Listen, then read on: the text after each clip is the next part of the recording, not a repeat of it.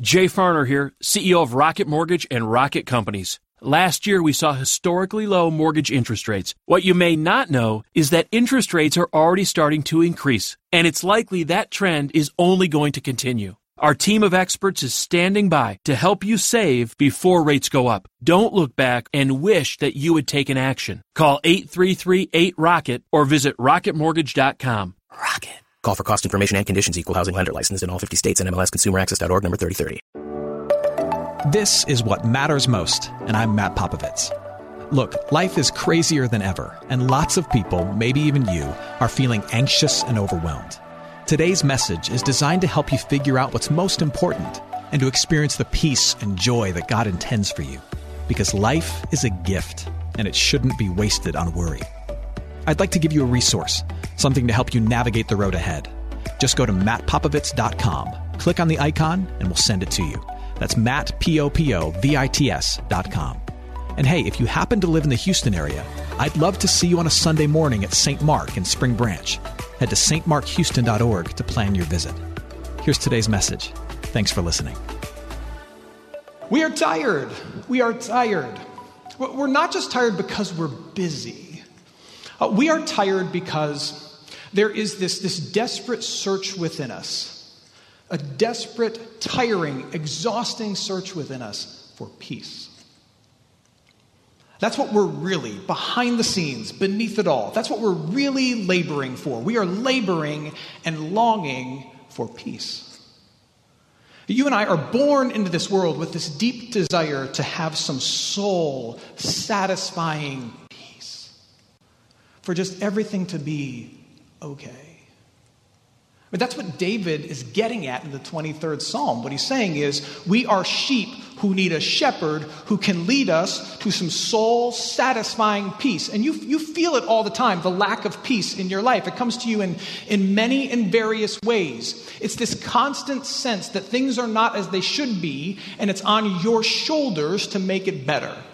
So, like, it's that feeling you get when you look at the needs of your kids that never end, or it's the feeling you get when you look at the long list of things to do at work. It's the feeling you get when you look in the mirror and you don't like what you see. It's the feeling of anxiety you get when you look at your bank account and you don't like what you see. It's the feeling that's always in front of you that says, it's never enough, it's not okay, and I'm the problem, I have to fix it. From the moment we're born, we're trying to solve that problem. How do I find peace. I need some deep, soul satisfying peace. And so in comes Jesus. He's predicted, he's prophesied, and he's born, and he enters into this world. And guess what? He's the one who's come to bring us peace. He's the one who, who comes to be the shepherd that David talks about. That's why David says this Psalm 23. He says, He, the shepherd, ultimately Jesus, the good shepherd, he makes me lie down in green pastures. He leads me beside still waters. He restores my soul. Another way to translate restores could be liberates. He frees my soul from this labor that I feel and I live with of never being enough, having enough, of knowing I'm captive to dissatisfaction. And Jesus, the shepherd, is going to give us the deep soul satisfaction that we crave, that we cry out for. You hear this in the great Advent and Christmas hymns. For example, Come, thou long expected Jesus, born to set thy people free. From our fears, am I enough? Do I have enough? Will it ever be okay? And from our sins, release us. Let us find our rest Rest sounds good, doesn't it? Let us find our rest in Thee. So Jesus has come as the Good Shepherd to give you the peace that you've been searching for since the very, very beginning. Question is, how does He give this peace? Well, this peace that Jesus offers us is, is found in, in two primary ways. First, Jesus will give you this soul satisfying peace that will allow you to rest. He gives you the soul satisfying peace by giving to you first righteousness. Now, I realize that that's like a $5 churchy word. But, but here's what righteousness means he, he gives you righteousness in that the, the deep longing that you and I actually have is to be right. And being right is what gives us peace. Now, when I say right, I'm not talking about like intellectual superiority, like when you're watching Jeopardy with your family and you know the answer and they don't. Right in the sense of being approved, being good, meeting the expectation, being enough being okay in the eyes of the ones that matters. That's what it means to be righteous. It's to be okay, it's to be enough, it's to be approved, it's to be absolved, you could even say. It's to have the eyes of the ones who matter look at you and say, You meet the standard. And that's ultimately what Jesus gives to us. Because that, that's really the burden and the curse of sin, a, apart from death, as if that wasn't enough. But, but the burden of sin as we live this life is this awareness that that you and I are not who we should be. And from, from the moment, from the moment we are born, we are craving something that will, that will satisfy, that will fix that sense of us knowing that we don't meet our own standards, we don't meet God's standards. Not only do we make mistakes, we make evil choices. We think horrible things. And even when we try to do the right thing, often we don't do the right thing. And we know that, we live with that, we're burdened by that, and we're trying to find a way to fix it. And we need approval, we need acceptance, we need someone to know that we are bad, and yet we are beloved. I mentioned my son earlier. We, we, see this in kids from the moment they're born. If your kids are anything like mine, they, when, when they're young, they do this thing where they walk up to you and they say your name like 32 times. While you're doing something else, they'll be like, Dad, Dad, Dad, Dad, Dad, Dad, Dad. Until finally you say what, and then when you say what, they look at you and go, like they think that little move right there, whatever it is, is some kind of big accomplishment or some major magic trick that they've just pulled off. And what you're supposed to do is go, Oh, good job, buddy. Good job. That's wonderful. Because you know why? What they're looking for is acceptance. They're looking for applause. They're looking for approval. And we never, ever grow out of that. Ever. We just transfer it to other people and other things. We go from twirling for our parents to performing for our bosses, for, to meeting up to the expectations of our peers, to trying to, to be on the right side of history with the culture. We, we, we transfer it to other things, and what we're desperate for is for the eyes of people who are important to look at us and go, You're accepted, you belong, you matter, you're approved because we know how broken we are. And so in comes Jesus, and he knows that's the deepest need. And so what does he do? He lives the perfect life that you can't live, and then he dies as the sacrificial lamb to cover over all the things that you've done. And then he rises out of the grave to break the curse that you carry of never ever hitting the mark and the curse of death that comes with it. He breaks all of that so that now those who know him and believe in him can say, Oh, because of Jesus Christ, I have a right relationship with the Father. I am righteous in the eyes of the one who matters. I'm right with the only one whose opinion really counts. I'm cool with the one who counts the most. I am righteous. And if you know that you're righteous with the most important one, you may never meet the standard of yourself or others. You may never be considered in step with the culture. But when it comes to the king, he looks at you and says, You're good. And if that's true, then that means you get to rest. You get to pause from the burden of protecting, proving, providing, earning for yourself, for security, and you get to relax. So he gives us righteousness. He gives us the right path. He guides our steps.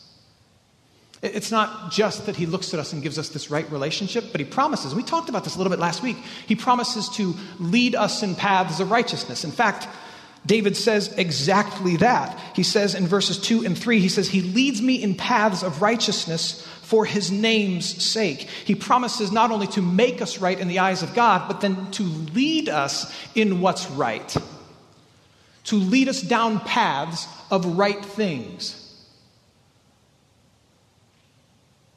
To lead us towards that which is good. Now, that's an easy promise for us to skip over and not grasp the profundity of it.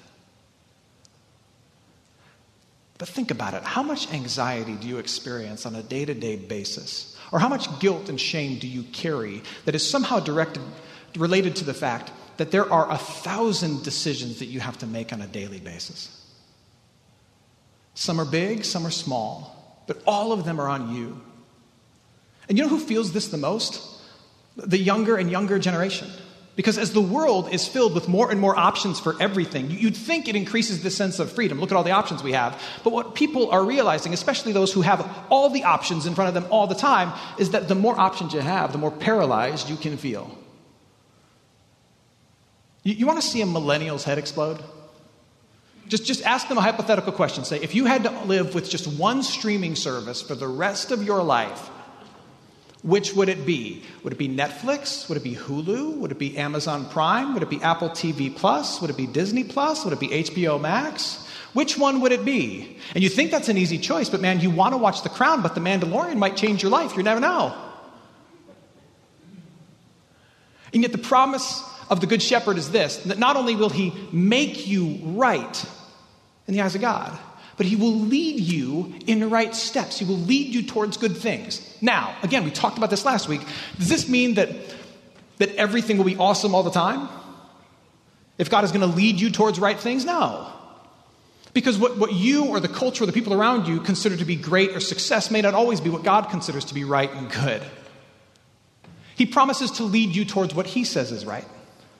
He promises to always lead you toward what He says is good. And then he promises, even if you step off of that path, to remind you that you are good in Jesus Christ. At every turn, he promises to lead you at all times. Now, notice him leading you toward righteousness comes after he leads you towards green pastures and still waters. It comes after he leads you towards the satisfaction of knowing that you are right with the only one who matters. And then he says, I'll lead you in righteous paths. Oftentimes, we, we flip that equation. We say, well, God's going to lead me towards the right things, and as I follow him towards the right things, then I'll get towards the soul satisfaction. I'll get towards the green, the green grass and the cool waters. And then what happens is we step off the path of right things and we wonder, well, am I going to get to the green grass? Am I going to get to the cool waters? Am I going to get to the soul satisfaction? Am I going to get to this place of blessing from God? But that's not how it works. The Good Shepherd takes you to the satisfaction and the fulfillment first of knowing you are His, and then flowing from that, He leads you down paths of righteousness. Which means when you fall off the path or jump off the path or outright reject the path, you don't have to second guess your peace. Because you already have that. Your leading down paths of righteousness flows from your peace, not for it. And that makes all the difference in the world.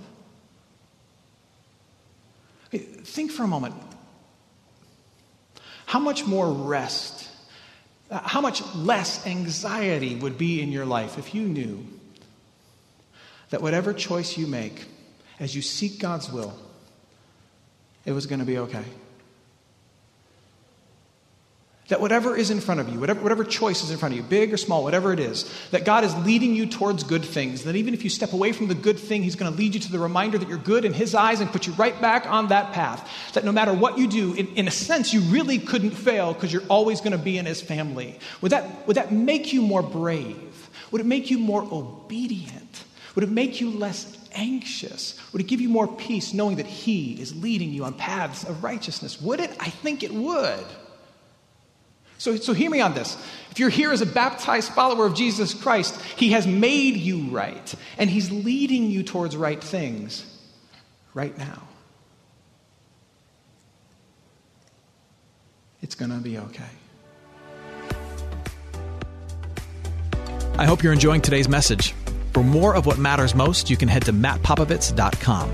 There you'll find other messages. You can support this ministry as well as access your free gift.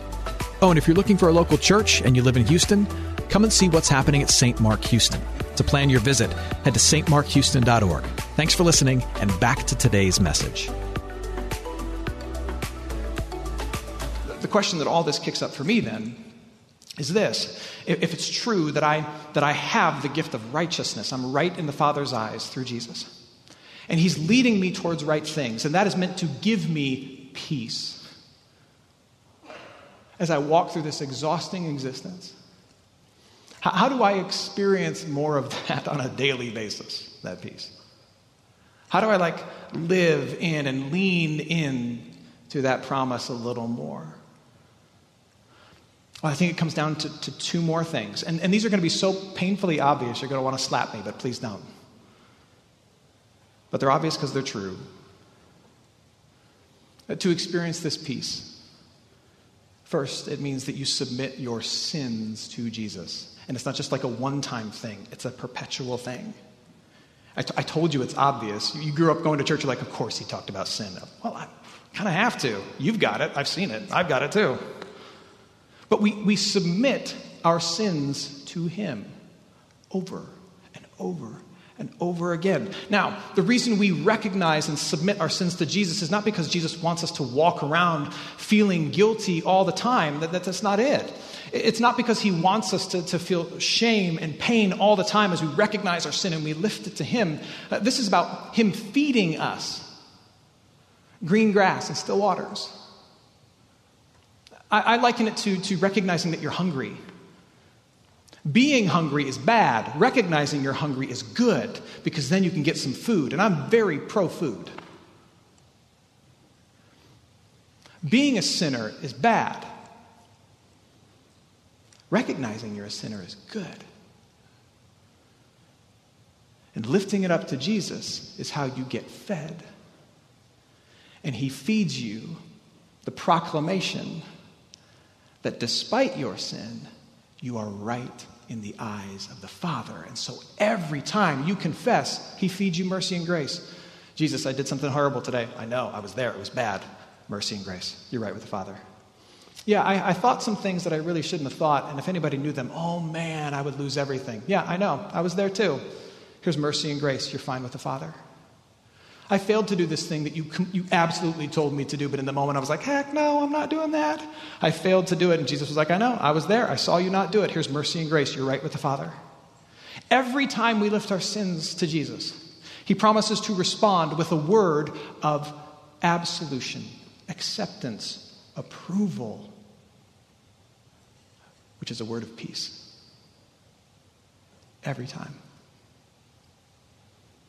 So, so if we're submitting to Jesus our sins, the other thing we have to submit to him is he promises, if he promises to lead us in paths of righteousness, the, the other thing we submit to him is our steps.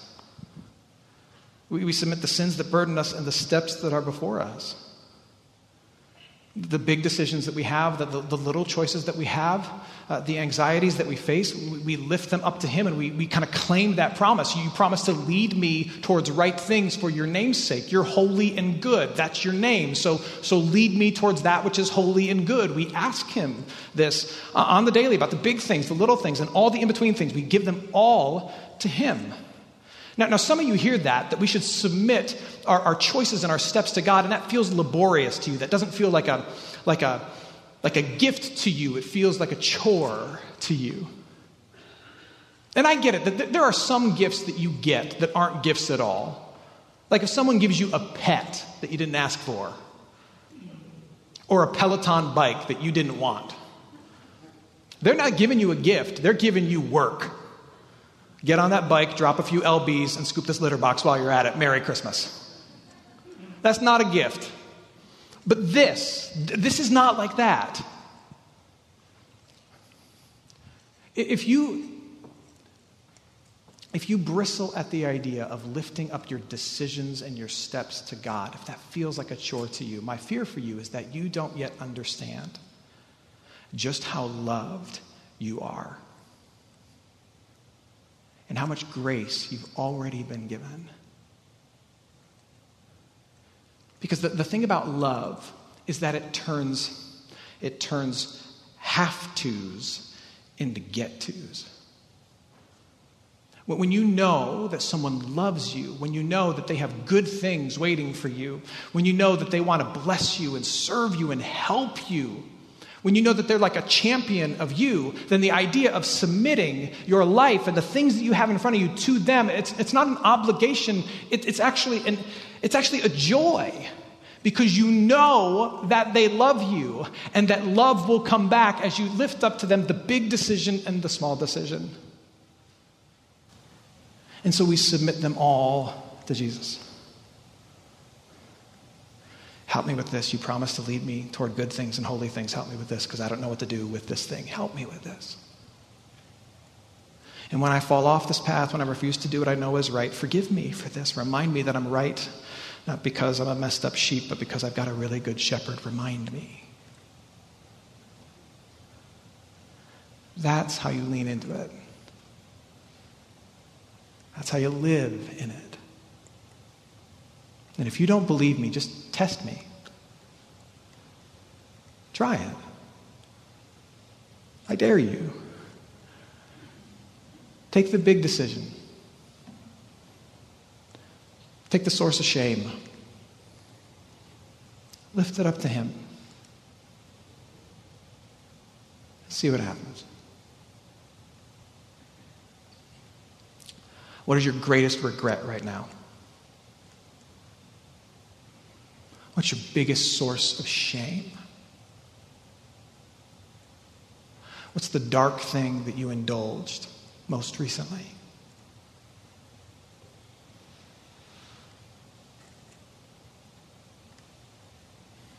What's the next big decision in front of you? What's the anxiety inducing choice that's been given to you? What is it? I know other people might think it's petty, but it's big to you. What is it? Up. see what happens. I'll close with this. Um, in, in, Palestine, the, the, part of the world where Jerusalem is located, where, where David was king when he wrote the 23rd Psalm, where Jesus lived and died and rose again.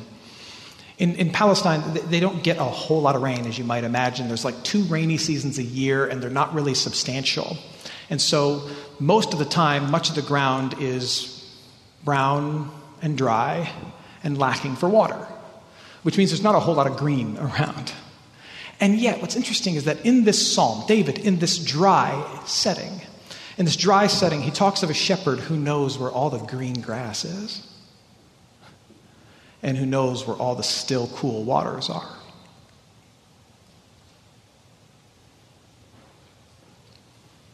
Rejoice, rejoice. Emmanuel, which means God is with us. Same words David uses in the psalm. He's come to you. He's come to you, and he's a good shepherd. And I know that your world is pretty brown and dry right now